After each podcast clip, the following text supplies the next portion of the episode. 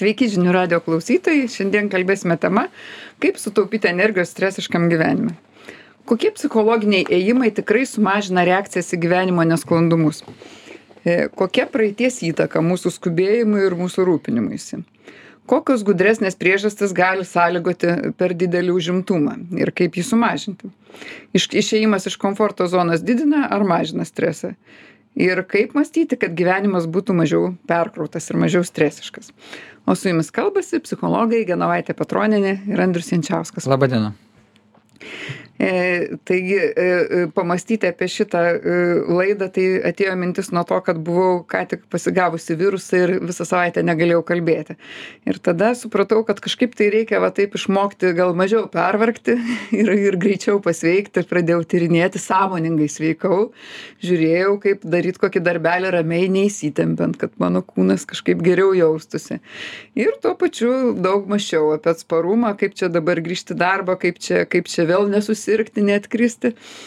Tai ir, ir, ir, ir kažkaip tai supratau, kad atsparumą daugelis žmonių įsivaizduoja, va tokį atsparų žmogus, tai toks kietas vyrukas, kuris nejaučia neigiamų jokių emocijų, nu ar kieta, kieta mergina, toks kaip tankas. Eina, eina savo ramiai, praeina jisai, nuo jo kaip nuo žasies vanduo ir supratau kad toks na požiūris tai nie niekur nenuveda kad realiai net ir tas kietas vyrukas jis irgi galų gale jeigu ne to amžiaus tai kito jis patirs tuos stresus.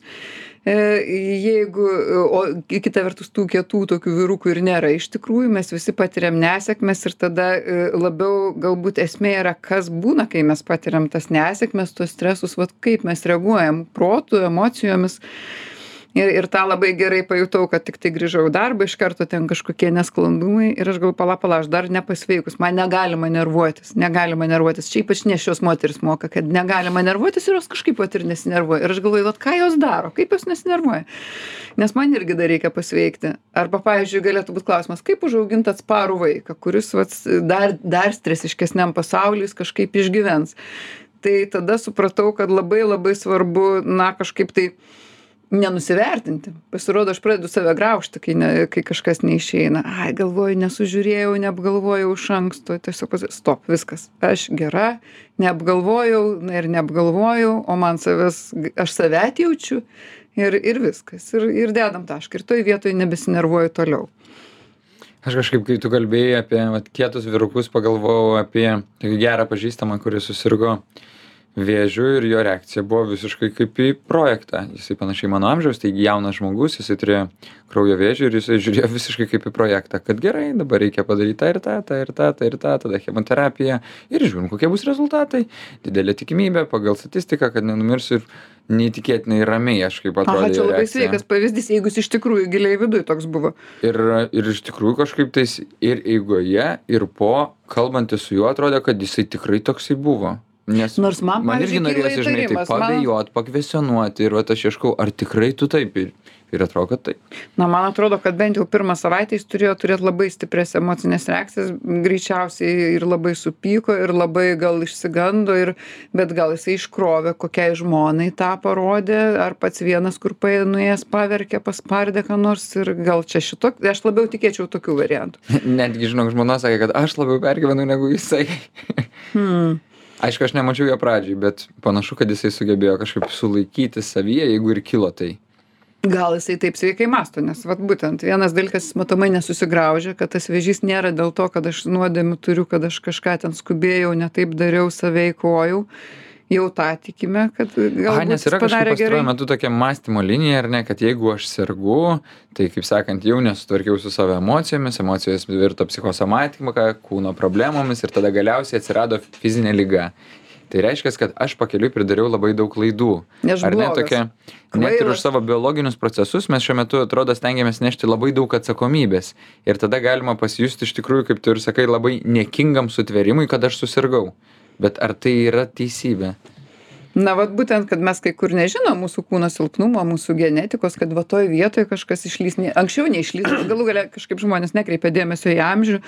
Vat mano mano tėtis devyniasdešimties metų bet jisai va žiūriu dar bando įsivaizd įsivaizduoja kad galės gyvent iš penkto aukšto laipiot pirmyn atgal jam atrodo kad ne tiek metų. Ir ir ir kai kažkaip jau nebeišeina jis labai stebisi ir pyksta kad kaip čia neišeina. Tai tai mes nu neatkreipiam dėmesio kad ir tas kūnas tas tiesiog vat savo ribotumo nepriimam ir iš dalies tai gali būt ir tam tikras gynybiškumas kaip truputį neigimas ane? Neigimas to kad šalia yra didelė rizika arba šalia yra dideli nemalonumai. Bet jeigu žmogus devyniasdešim metų gyveno ir tas neigimas jam netrukdė tai gal po devyniasdešimties susidūrus su ta problema kad reikia jau į pirmą aukštą kraustytis gal čia tegul jau sprendžia vaikai tai va jis dabar anūkai. psichologiškai paaugs tikriausiai ir priims E, bet labai man patiko kad tas tavo pažįstamas jisai pažiūrėjo kaip į projektą nes daug kur ir rašoma susitvarkyme su stresu kad labai yra geras būdas žiūrėti klaidą ir ačiū dievui man irgi tas pavyksta būdas kad ir ir irgi kai šįkart dingo balsas man antrą kart taip gyvenime nutiko aš galvoju o dabar aš turėsiu projektą pasimokysiu kaip man sąmoningai sveikti kad pasveikti kažkaip tai nu greičiau kad neužsisėdėt čia trim savaitėm tokioj vienumoj nes dar ir kalbėtis ir su artimaisiais negali su niekuo. Tai aš tiesiog vat mokiausi žiūrėjau kaip čia dirbt neįsitempiant kaip čia išvis medituoti daug per dieną toks vat buvo ir tas nukreipia mintis nuo kažkokios savigraužos nuo tragizavimo beje dar vienas momentas kad pažiūrėt į nesėkmę kaip į pamoką ir projektą ką čia aš galiu dabar gudriai naujai išmokti bet ir ir kažkaip tvarkytis su ta katastrofinio mąstymo schema kad jėzau susirgau visiem laikam nieks nežino jau kūnas pradėjo griūti jau kažkas ten imuniteto nebėra. Aš manau ypač kas suserga tokiom ligom kaip tavo bičiulis jiem baisu bet net ir nuo paprastos ligos gi baisu nes nuo paprastų irgi prasideda kartais didelės. Ai ir man atrodo kad čia atsiranda va tas įdomus dalykas kad visi puikiai žinome kad orientacija į veiksmus į pasekmes ir ką galiu dabar daryti tikrai labai padeda pamažinti ar ne tą reakciją. Bet iš kitos pusės ne visi žmonės nešasi tokius galingus užtaisus iš praeities kad didelė dalis jėgų reikalauja užsklęsti tą pandoros skrynią kur lenda lauk gąsdinimai kaltinimai gėdinimai tragedizavimai. Tai va čia man atrodo dar svarbi dalis kad papuolus į nelaimę kai kurie žmonės turi labai daug dorotis su savo šešėliu. Kitiem to nereikia. Vieniem mažiau kitiem daugiau. Aš tai pavyzdžiui visą tą laiką jaučiau kaip na kokia nedidelė va tarsi kažkokia radiacija būtų įsijungus kad oi oi nėra balso ir šiandien nėra gal jau visiem laik va toksai. Ir aš sup suvokiu o jei vėl čia ta baimė lenda ir kažkaip dėt ją į šoną dėt tiesiog stabdyt mintis apie tai. Na daug yra. Visi būdai kur tvarkymuisi su baime tinka. Čia gali panaudoti vieną po kito. Susikoncentruoti tą dabartinį momentą stabdyti e, katastrofines mintis mažinti nerimą ten kvėpuoti relaksuotis. Dar vienas gali būti būdas mąstymo kad staiga žmogus pažiūri atgal ir jam atrodo kad visas jo gyvenimas yra nelaimė kad jam visada nesisekė. Staiga užjuodėja praeitis toksai na kaip čia čia ne į priekį bet čia atgal kad ach ir iš viso čia ašarų pakalnė tas gyvenimas. Toksai depresinis labiau mąstymas. Nu galima taip suvest kokią istoriją aš sau pradedu pasakot kai man nutinka nesėkmė? Čia labai įdomu va taip pažiūrėt menininko žvilgsniu ar man labai baisu ar jau radau dėl ko susigraužti ar dar kažkokią savo istoriją ir man atrodo kad labai svarbu nes ta istorija kurią pradedu tą akimirką pasakoti apie savo praeitį jinai labai stipriai paveikia tai kaip aš jaučiuosi čia ir dabar ir labai stipriai paveikia kiek aš turiu jėgų imtis veiksmų į ateitį. Nes labai dažnai prisijungia prie tos niūrios praeities istorijos jausmas kad ir dabar viskas yra labai prastai ir aš esu prastas ir ateitis yra labai prasta ir neviltis įsijungia. Ir įsijungus nevilčiai tada labai sunku imtis veiksmų na taip neviltis tikrai toksai pagalbininkas sveikime ar atsistatyme yra labai labai menkas. Bet aš galvoju va taip gražiai tą mąstymą perstruktūruot iš tikrųjų į labai sunku. Ilgalaikis darbas man ir aš atrodo. manau kad neiškrovus emocijų tų pirmųjų tokių nu ne tiktai baimę gal nėra kur iškraut bet piktumą arba liūdesį tai tikrai gali iškraut. Gali ir paverkt ir gali nežinau sofą padaužyti dar na gerai žmonės mėgsta aš tai skatinu klientus fantazijose ką nors tokio bjauriausio sugalvot galvoti na nežinau kas kaltas kad susirgai. Kalti darbai kurie tave aną savaitę kalti žmonės kurie darbus davė viskas tiktai vaizduotėj aš nesiūlau juos ten prakeikinėt tuos žmones ar siųsti jiems kažkokią neigiamą energiją bet vaizduotėje pratimą tokį iškrauti maksimaliai ten kažką sudaužyti priešus kažkokius tai kurie tau gal pakenkė gal gal ne. Ir ir tada tada jau truputėlį tas mąstymas lengvesnis gaunasi bet čia labai įdomus dalykas aš prie prie streso įveikimų kad pasirodo e, e, veikia visiškai ta kaip čia visi linksniuoja o kad žydų šeimos labai gerai vaikus auklėja kad kaip jie puikiai supranta ir iš tikrųjų kuo aš ne netikiu tuo visu kad jau tie žydai tokie vien tiktai ten išmintis ir gėris matyt bet kažką išmintingo turi. Ir ir žmonių tinklas va Mhm. tikrai kas yra tose net nevadinkim žydų šeimos tiesiog rytietiškos va tos kultūros kur ten labai šeimyniškos tai kad ten tikrai jeigu kam kam kas nors atsitinka tai visi sulekia kažkaip visi prisideda padeda tai žmonės kurie turi didesnį žmonių tinklą jie tiesiog strese visai kitaip tu Mhm. griebei paskambinai ten pusseserėm mamom e, kokiom draugam.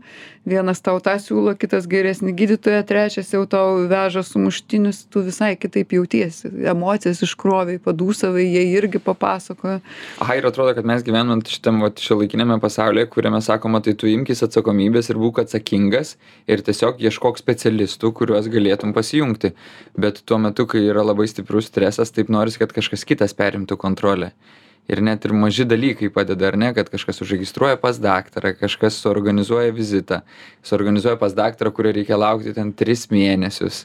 Mhm. Bet tokia šiluma gal tu net ir na trijų mėnesių tu jau tikrai to daktaro pats nepasiektum Tai taip gera, kartais kai kažkas organizuoja- vizitas yra malonu. rytoj vizitą ir nereikia laukti tų trijų mėnesių. Bet kartais malonu kad kas nors tau net tuos sumuštinius sutepa nes tu jauti net tą šilumą. palydi į ligoninę kaip gera kad ne vienas važiavai į ligoninę o čia tai tikrai čia labai visi sako kad va tas pa na atrodo nuėjai taksi ir parvažiavai iš tos ligoninės bet tas kad tave nuvedė parvežė aišku aš nekalbu apie tuos e, vampyriškus kartais senus žmones kurie nori kad juos visur kas antrą dieną vežinėtų bet bet vat na kai žmogui kartais atsitinka tai labai daug šilumos tame. Praeitą savaitgalį buvau pas a, savo draugą londone ir jisai netikėtai sugalvojo atvažiuot pasitikti į oro uostą ir žinai susigraudinau kažkaip nes tai buvo jau tas rūpestis kurio nesitikiu nes suprantu kad esu suaugęs žmogus vienas pats galiu susiorganizuoti kelią ir rasti kaip nuvažiuot iki jo namų.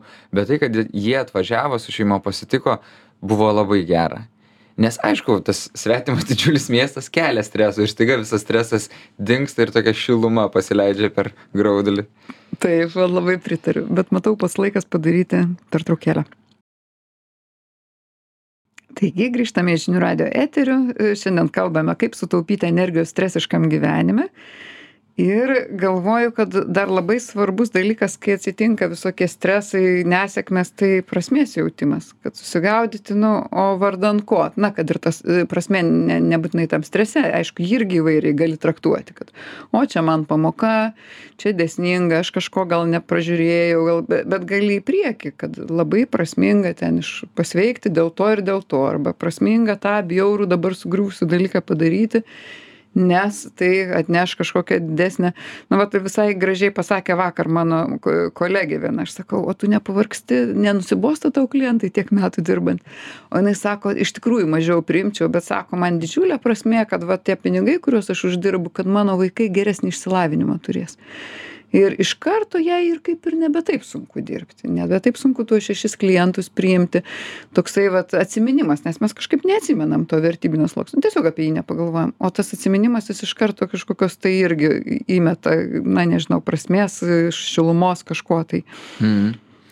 Aš tai galvoju, kad nu, mano viena didžiausių pastarųjų sveikatos problemų buvo tai, kurią aptarėm ir prieš, prie, prieš laidą, kai vat, širdies permušimai prasidėjo.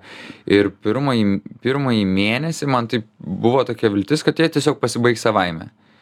Nes jų neturi būti nes tu tiesiog- toks stiprus ir jie Taip, aš negali būti stiprus žmogus, jie čia ne prie ko, čia ne nei- mano dalykas. beje irgi viena iš tų reakcijų kurios paskui pasakysiu labai labai pa pasunkina reikalus Taip, ir, ir tada kažkaip jau po dviejų savaičių nepraeina, tada trečia savaitė, ketvirta ir pradėjo darytis neramu. Ir tikrai pradėjau save kaltinti dėl to, kad tai vad, kaip aš čia neteisingai gyvenau, kad dabar man liko maksimum 10 metų gyvenimo, čia jau gali būti, kad aš mirsiu, kas šiandien per neteisybę. katastrofos įsijungia Taip. tada kitas etapas buvo kur iš tikrųjų susitikau su draugu kuris turi bėdų su širdim ir ir papasakojau jam viską kas vyksta ir jisai tą pačią akimirką paskambino savo gydytojai ir užregistravo ir man vat jau šitas jo rūpestis tikrai labai stipriai padėjo vat vat tai ką mes ir aptarėm. Iš tikrųjų tiesiog va užregistravo pas o antras dalykas kai susitikau su gydytoja jinai padarė visus tyrimus ir paaiškino viską kas vyksta. Aha, nuramino, Tarsi- pasidarė aišku, struktūruota. taip ir vat aš esu dirbęs su viena kliente kuri labai daug kalbėjo apie problemas su kaip jinai stipriai nerimauja dėl vaikų ligų ir jinai ir sako kai tik vat atkeliauju pas baltus chalatus viskas nurimsta tai iš tikrųjų vat kažkaip atiduoti tą atsakomybę specialistui kuris daug geriau išmano dalyką negu aš išmanau va tas man labai palengvino Ir čia vienas iš pagrindinių kovos su baime metodų - tiesiog tapti informuotu apie tai, kas čia vyksta. Mesgi neišmanom savo kūnais, labai sudėtinga sistema.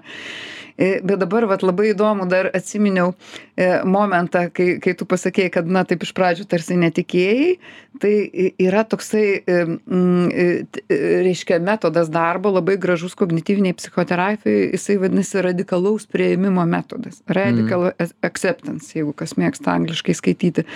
Tai pirmas yra žingsnis, kad kartais mes, nu tarkime, ar susirandi naują antrą pusę, o ta antra pusė turi kokį šlikštų įprotį, pavyzdžiui, nežinau, ten rūko tau panosim. Na, g- gal rūkimas dar pakeičiamas, bet tiesiog žmogus masto kažkokiu, pavyzdžiui, jis nemėgsta kultūros. arba juokiasi labai. Arba dar kažką tai daro ir, ir tu supranti, atrodo, tu kaip taip gali būti, taigi iki šiol niekas to nedarė, iki šiol visi su manim žiūrėdavo filmus, kodėl tu nežiūri, o jis sako, aš nežiūriu filmų, man nepatinka jie.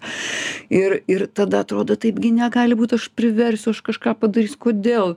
Tai, na, filmai čia niekas, bet gal tas žmogus dar ką nors daug baisesnio daro. juokas jo nepakeisi Jo, arba jisai tenais, nežinau, vad būtinai tu esi pelėdo, jisai keliasi ten va, penktą ryto, o jau devintais jau užmygęs ir tu neturi kada bendrauti. Ir tai yra labai biologiškai. Ir, ir vad sako, pirmiausia, reikia suvokti, kad nustoti neikti ir pasakyti, taip, tai yra mano gyvenime ir tai yra desninga. Ir pabandyti žiūrėti tos desningumus. Jeigu ta Mhm. tavo antra pusė paaiškėja, kad visą gyvenimą taip ir visa jo šeima vituriai kokie tai, tai čia dėsninga. O jeigu tu visada buvai pelėda dėsninga kad tas skirtumas bus. Čia nėra kad dabar atsitiko man bėda kažkas nukrito plyta.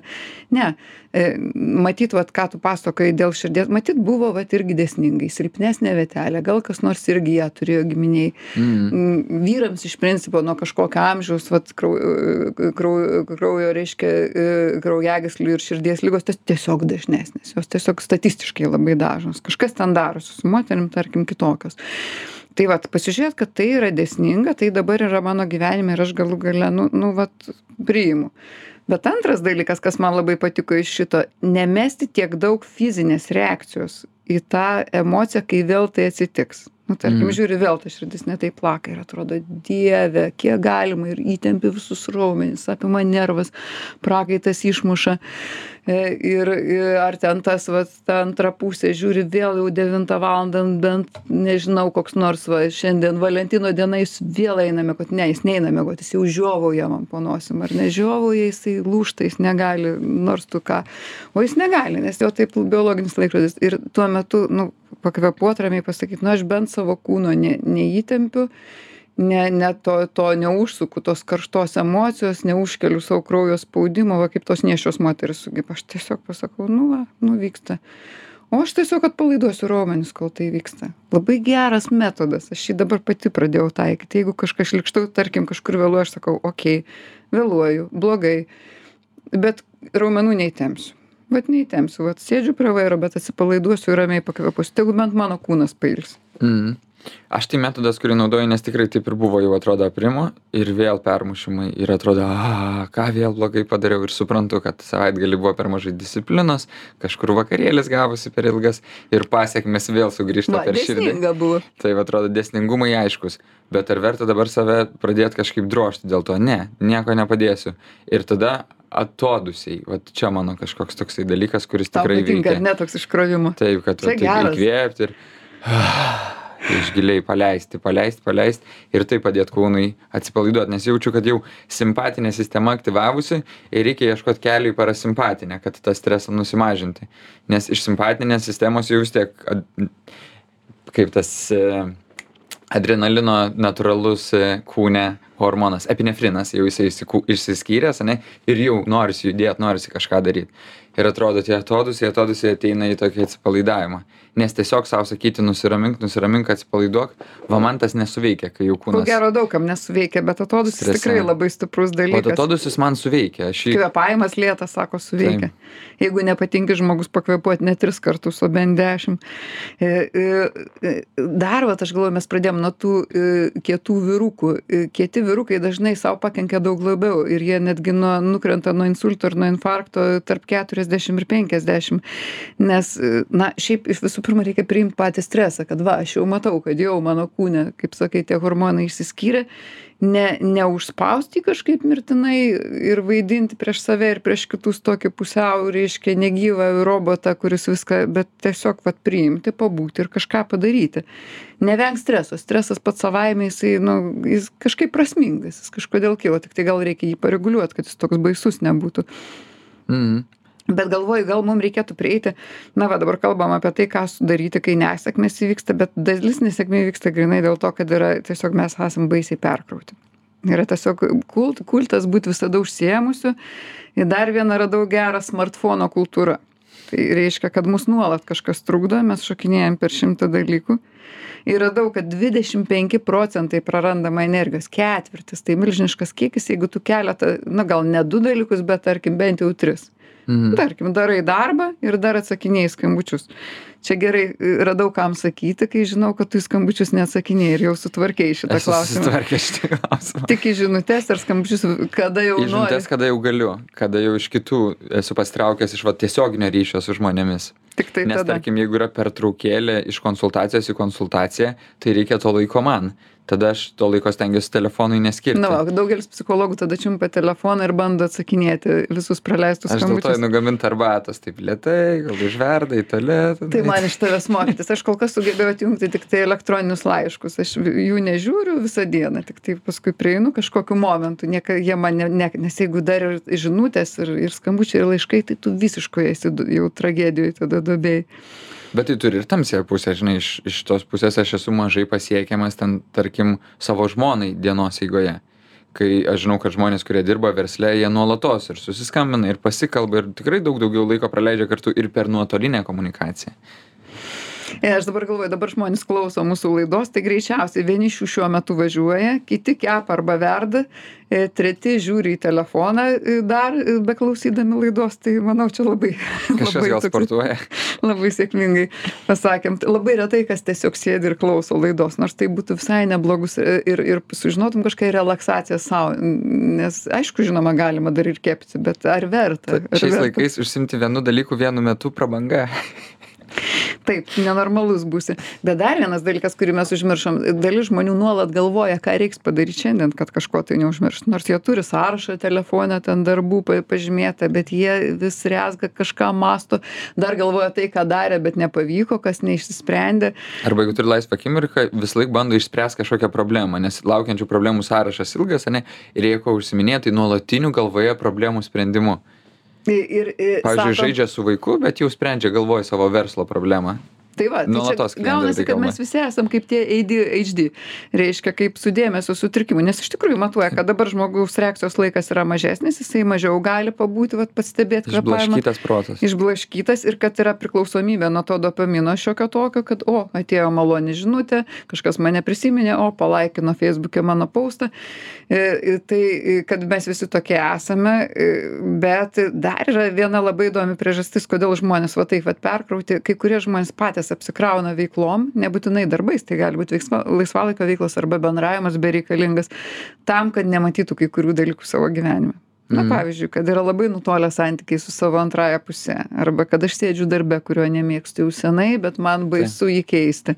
Iš dalies tai būdas pabėgt bet man atrodo iš dalies tai ir būdas kompensuot. Vat namuose nėra labai gerai bet už tai labai gerai darbe ir gyvenu normoje na va tai tokia norma paskui priveda prie ligų bet matau pats laikas padaryt dar vieną pertraukėlę. Taigi grįžtame į žinių radijo eterį šiandien kalbame kaip pasidaryt daugiau energijos stresiškam gyvenime na ir kaip čia taip e, pasidaryti daugiau to susilietinimo tai viena jau suradom būdą e, mažiau e, atjungti iš telefono kaip kaip išjungus telefono garsą laikyti ne nežiūrėti darbo metu į feisbukus ar paštus jau užteks žinučių ir ir ir tų per pertraukėles ne visas Man atrodo, atjungti notifikacijas yra labai svarbus. Va, būtent notifikacijos, tos... tai iš vis neįsivaizduoju, kaip žmonės išgyvena su tuo. Aha, va, atrodo, jeigu pasilieki tik tais keletą, tarkim, skambučiai ir žinutės ir viskas, ir užtenka. Blogiausiu atveju kažkas suras. Bet žiūrėk, dabar e, mindfulness specialistai vis tiek tai yra populiari tokia srovė, sako, paskirk bent 10 minučių meditacijai per dieną. Atsisėsk, va, tarkime, pietų sukramtyk labai lietai, arba, arba jeigu tu jau negali lietai kramtyti, tai tada bent, na, 10 minučių nieko neveik. Bet vidury dienos, ne prieš miegą, kai tu, po tų 10 minučių ir užmigsi iš karto. E, tai e, paaiškėja, kad normalūs žmonės, kurie neturi jokių psichikos sutrikimų, gerai funkcionuoja, e, va kaip tik kalbėjau su savo viena draugė, sakė, aš negaliu 10 minučių, man sako, kažkoks nerimas kyla. Mm. Bet tai yra tikrai mokantis bendrauti žmogus, tikrai gerai organizuotas žmogus. Aš negaliu niekaip jos priskirti prie kažkokių neurotikų. Mm. Tiesiog va tas tempas, na tai aišku, aukštos pareigos, du vaikai kaip ir priklauso, bet pasirodo, kad tai jau nebeįmanoma. Mm. Ir kita vertus žmogus netiki, kad 10 minučių sugaišus jos kažkaip grįž. Kad grįžta mes visi žinom. Po Mhm. atostogų būna tas stebuklingos galvos jausmas, kai tik pagalvoji ir iš karto gauni atsakymą. Kai emocijos sukontroliuotos, ten kažkas užstrigai kamštį ir sėdi kaip elgas ir nenervuoja tavęs tas kamštis, nes tavo viduje taip ten stabilu, taip gerai. E, Bet vad, kad tos 10 minučių ar kažkiek daugiau ką nors duos, tai žmonės nebetik ir, ir toks paprastas metodas nieks nedaro. Nebent kažkas eina sportuoti jau, ne 10 minučių, tai tada tai jau pailsi šiek tiek. Mhm. Aš manau, kad žmonės e, tikrai įpranta prie to streso būvio, nes streso būvis, nu, iš principo tai galima vadinti ir tam tikra priklausomybė tam tikrai agitacijai, tokiam gyvesniam būviui. Ir jinai yra malonė, stresas nėra tik tai Tai negatyvus sustoji, dalykas. tai staiga aptinki visą savo tikrą vidinį pavargimą. Pavargimo Jisai būtent, va, man atrodo, jis Jis pasivyra. bjaurus. O kol tu save judini, tol gyvai judi. Tai tam tikra prasme nuo perdegimo bėgi. Kodėl tas perdegimas paskui ateina toks labai baisus ir tenka antidepresantus gerti. Bet jeigu išlaikai e, vat, gerą miego režimą, tarkim, visą laiką mėgi tenais 8 valandas, gerą sporto režimą, nežinau, minimum ten 2-3 kartus pasportuoji per savaitę ir laiku pasimaitini, tai net ir be meditacijų ir arba be mindfulness praktikų žmonės sugeba išlikti ilgą laiką tokie aktyvūs. Aš Bet manau, tada man labai... atrodo, kad vis tiek yra kažkoks stygius tokios e, vidinės talpos, nes tu tada visą laiką įvykiuose, o kas iš to? Mhm. Ir, ir dar man atrodo, kad žmonės perkrauna savo gyvenimą, nes visi, vat, nors mes esame lietuviai, bet kažkaip tai tarsi visi nori gyventi, va taip vadinamai amerikietiškoj svajoniai. Namas, e, šunys, vaikai, mašinos, vat, ir, ir kad visą tą egzotinės kelionės, na, kas, viskas, kas įeina į tą jau tokį šaunaus mm. grėtinėlę žmogaus gyvenimą. Visi baisiai nori, sakyčiau, milžiniška savivertės Taip. problema. Didelės kompanijos. Ir jeigu pasakysi, aš labiau mėgstu ne egzotinę šalį, o man kaime smagu pabūti, arba tiesiog prie jūros pa, pasivaikščiot, ramiai pamurksot knygas paskaityti, tai jau tu toksai nelabai jau esi tokio aukšto lygio. Jeigu tu namo neturėjo kažkodėl būte gyveni, tu, tu irgi kažkoks tai menkesnis. Ir va tas va menkumas, kad kažkaip neišeina atsiplėšti nuo tos bandos nuomonės, daugelis žmonių nekenčia namo dėl to, kad ten darbų per daug. Ir tu, jeigu tu esi toks darbštolėlis, bet tu te tau patinka, puiku. Bet daug kas visai, daugam Mm. nepatinka, bet kaip aš dabar čia be namų, mano visi draugai su namu, tai Taip aš būsiu loseris. Žalia apie robotas. Taip, taip, tai vat, tai, e, o susitvarkyti savo gyvenimą taip, kaip geroje įstaigoje, tai daug kas nemoka, kad su savo partneriu susijęs, susirašyti darbus, kas kada, kaip nesusikalba žmonės dėl emocijų, kažkas kažko nenori, kažkas vėluoja, kažkas nervuojasi, vėl nebesigauna, tada tų darbų per daug gaunasi, tada, tada lėkimas. Tai man labai patiko viena idėja, kad sako, reikia susidaryti ne sąrašą, ką daryti, bet tokį sąrašą naują susidaryti, ko nebedaryti, ko nedaryti, ko aš galėčiau nedaryti, ką, kai kuriuos darbus perdėti į idėjas. Mhm. Tarkim, aš norėčiau gal šiandien nusišluostyti visus stalviršius, bet gal aš jas galiu šeštadienį, o atidėti paprasčiausiai. Arba kol svečiai ateis, kai, kaip tenais, kad gal nereikia tiek daug tų šluostyti visų dėmelių, arba kad gal aš galiu ten, nežinau, kažko tai ne da dar vieno vakarėlio nesusiorganizuot vat praleisti gal vienu mažiau galima vienu kultūriniu renginiu praleisti kas tokius mėgsta ir Mhm. ir vietoj to pasidaryt sąvar sąrašą ką aš veiksiu laika laisvalaikiu kas mane atstato. Pirma laisvalaikį suplanuoti o paskui jau suplanuoti darbus. Nes tada jau bus suplanuota tu būsi pasižadėjęs kažkur tais ir tu negalėsi ten nenueiti. Aha man atrodo kad labai gera mintis kad e, tiktais aš gal pridėčiau kad pradžioj planuotis sporto užsiėmimus. Ai sportas taip taip nuostabus. miegą maistą ir tada tiktais į tarpus jau darbo dalykus tik man atrodo kad čia yra prabanga kurią ne visi žmonės pasiekia.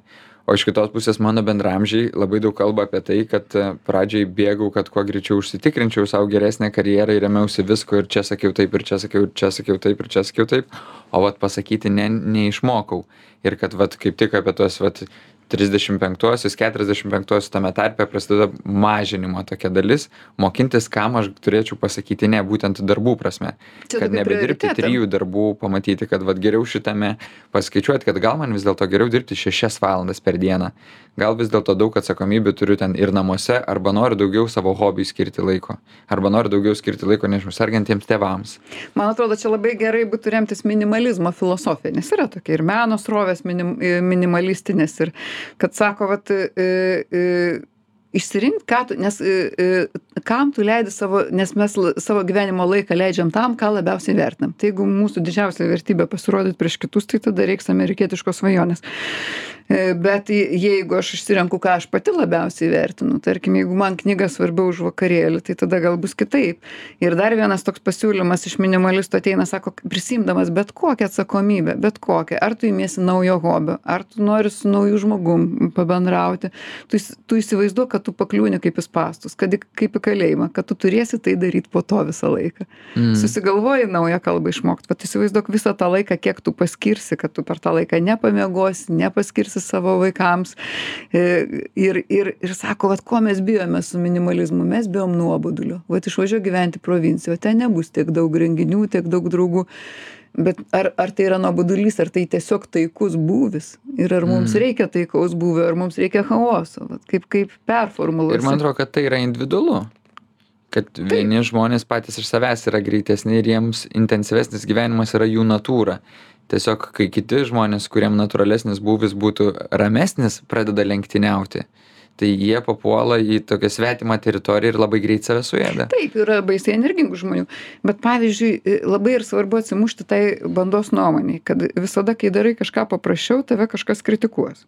Nu, vat aš, pavyzdžiui, prieš dešimt metų tokį pasidariau savo, kad aš daugiau nebetvarkau namų, aš užmoku valyti ir netvarkau namų, na ir kabineto, aišku, ir nebedarau valgyti. Mm. Retkarčiais, kartais, kai man jau patinka, bet šiaip tai užsakau kažkokį sveiką maistą, jį man atneša ir aš gavau daugybę, daugybę kritikos. Kaip, kokia tu moteris, tai ką tu čia valgai, kažkokius nikius, čiagi skaniau galima pasidaryti. Mhm. Daugybę, daugybę, kad čia jau baisus toksai išlepimas.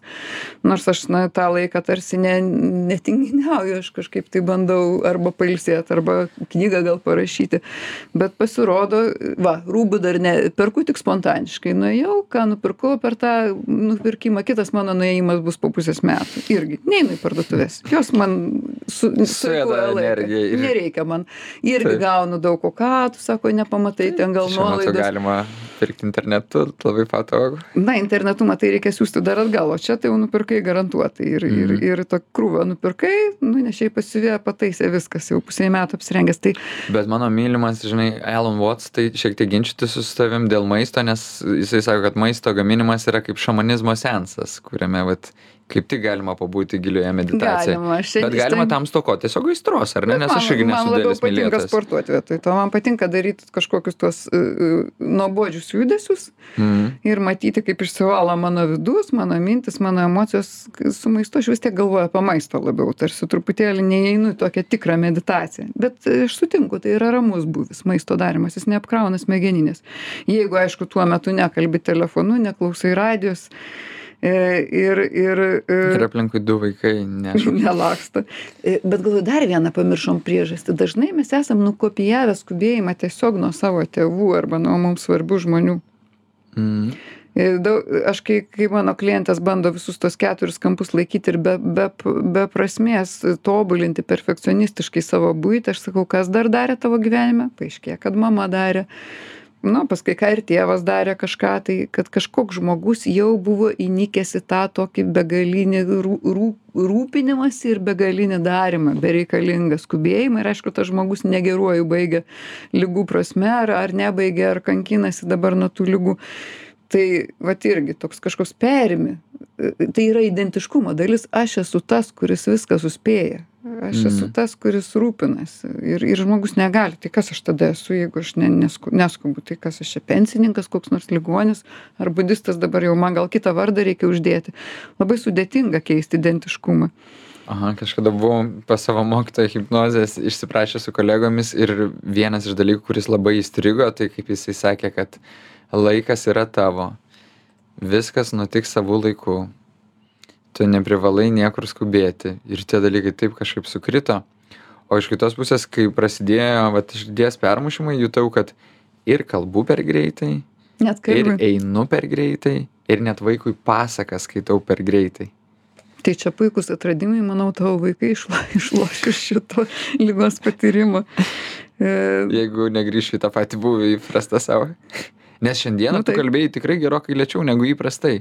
Aš jaučiau, kad vis ir taip pats stengiuosi susilėtinti. na aš matyt dar va dar truputėlį atsimenu kai bandžiau teisingai pasveikt dar va ir nepasveikau iki galo dar vienas labai geras būdas aš e, savyje pastebėjau kad planavimas e, e, ne nerimauti dėl tavęs laukiančių darbų na tarkim aš šį savaitga savaitgalį vesiu stovyklą reiškia trisdešimčiai žmonių reiks na dvi paras kažką darysim tai e, jeigu nebūčiau dirbusi vat praeitą savaitę su stresu tai tikriausiai dabar aš jau galvočiau dieve o kaip tenais o ką reikia nusivežti o ar tą pasakiau o ką tada darysiu per tą momentą o kaip ten ir ir dabar tiesiog sąmoningai ateina kažkokia mintis į stovyklas sakau penktadienį viską apgalvosiu prieš stovyklą penktadienį ir atidedu bet Mhm. nėra paprasta nes tas nerimas kartais dar truputį pradedu greičiau kvėpuoti tempt kūną tai dar ir kūną specialiai reikia atleisti atidedi ne vėliau kažkada, o konkrečiam laikui, ar ne? Kad va, penktadienį sėsiu ir jau darysiu. taip ne Yra ne pakankamai laiko. nakčiai ne ne ne ten Plius ruošiaisi nu, kaip ir visą savo profesinį gyvenimą. taip. Tai pasiruošiau ir dar anksčiau. Aš pasiruošiau jai normaliai prieš porą savaičių bet na ten žinai smulkmenos bet aš nerimavimą bandau atidėt. Mm, kad panerimausiu tada. Mm. ir nes dažnai mes kenčiame dėl to kad nerimaujam dėl kažkokios klaidos kad nepadarytume. Ir Ir kad manau, kaip čia- sustabdyti tą nerimavimą? Vienas iš atsakymų, kodėl kai kurie žmonės imasi labai intensyvaus gyvenimo čia ir dabar, kad ta dabartinė stimulacija padėtų atidėti nerimavimą dėl ateity laukiančių dalykų. Ir aš galvoju vat kai mes e, aš kažkaip anksčiau pagalvodavau kaip turėtų klaikiai vat jeigu aš būčiau prezidentė aš ko gero nu mano sveikata tiktai kelis metus atlaikytų nes ten tiek dalykų reikia daryt ir jie tokie atsakingi ir tai baisu aš manau kad Čia tie žmonės yra premjerės pozicija. E, Aš manau, kad tie žmonės, vat, e, ką dar nepalėtėm, kad įpratimas prie stresų, kad kai tu labai daug darai atsakingų dalykų, tu tiesiog jau išrandi savo būdą, kaip apsaugoti kūną nuo to. Pavyzdžiui, aš, aš spėčiau, aš nežinau, nepažįstu asmeniškai ne vieno prezidento, bet aš spėčiau, kad jie sugeba atidėti, kad jeigu jiems vakaras, tai jie vakare sportuoja, kalba su žmona ten ar su vyru, jie žiūri televiziją, nu, kažką jie daro, vienu žodžiu, kada jie ilsisi. Mm. Ir jie tuo metu nenerimauja, kad rytoj valstybė sugrius dėl kažkokio mano vienokio. Aišku, gal kažkokį baisų momentą jie irgi kokią naktį nemiega. Bet jeigu jie kiekvieną naktį nemiegotų, jie negalėtų savo darbę dirbti. Tai kažkoks įpratimas, kad, na, aš turiu išgyventi ir taškas, pasakyti savo, aš turiu rasti būdą, kaip nesinervuoti dėl to, kad ne, nesvarbu, kiek ten atsakinga bebūtų ar kokios ten klaidos, kiek, kiek be kainuotų. Turiu išsaugoti savo kūną ir viskas. Kaip, va, kaip tos nešios moteris. Kažką taip išjungti ir O man atrodo, kad vat, aš nesinervuosiu neveikia, bet kaip tu pasakei, kad aš nesinervuosiu apie darbus, bet dabar perkeliu tą fokusą pasinervuoti apie savo kūną ir pažiūrėti, kaip jam galiu padėti. Va tas labai veikia. Kad Na, tai- pakeisti kryptį, kad dabar aš vat, pasirūpinsiu savo kūnu. Kur? Kur ta mano kūnė ateiti tą čia ir dabar išmokti tą kažkaip išmokti tau pasakyti jeigu aš noriu daug gyvenime nuveikt ten bus daug momentų kai bus neramu ir baisu padaryt klaidą jeigu ar didesnius finansus valdai ar daugiau žmonių valdai ten daug yra dėl ko nerimaut bet jeigu sugebėsi tą dėmesį perkelt kitur tai tu realiai gali sveikas kaip ridikas ir daug nuveikti nes man atrodo kad ir tyrimai rodo kad ilgiausiai gyvena žmonės kurie pakelia didelį kiekį streso bet sugeba jį išbalansuoti būtent su poilsiu ir rūpesčiu savimi. Iškrauna kažkiek emocijų kažkiek tai va nenusivertina kažkiek tai neprisigąsdina. Tai va manau aptarėm labai daug dalykų. Šiandien tai linkime radijo klausytojams panaudoti kažką kas jum pasirodė nauja ar kažkas tai kas kas kas įdomu. ir ko jūs nedarote ir atsisveikiname su jumis iki kito penktadienio. O žmonės kurie laiką jaučia ilgalaikio streso padarinius pavyzdžiui potraumatinio streso arba perdegimo pasekmes tikrai kviečiu atvykti į vasaros ligoninę ribinių būsenų dienos stacionarą. Šį ir kitus radijo įrašus rasite žinių radijo svetainėje žinių radijas taškas lt. Viso geriausio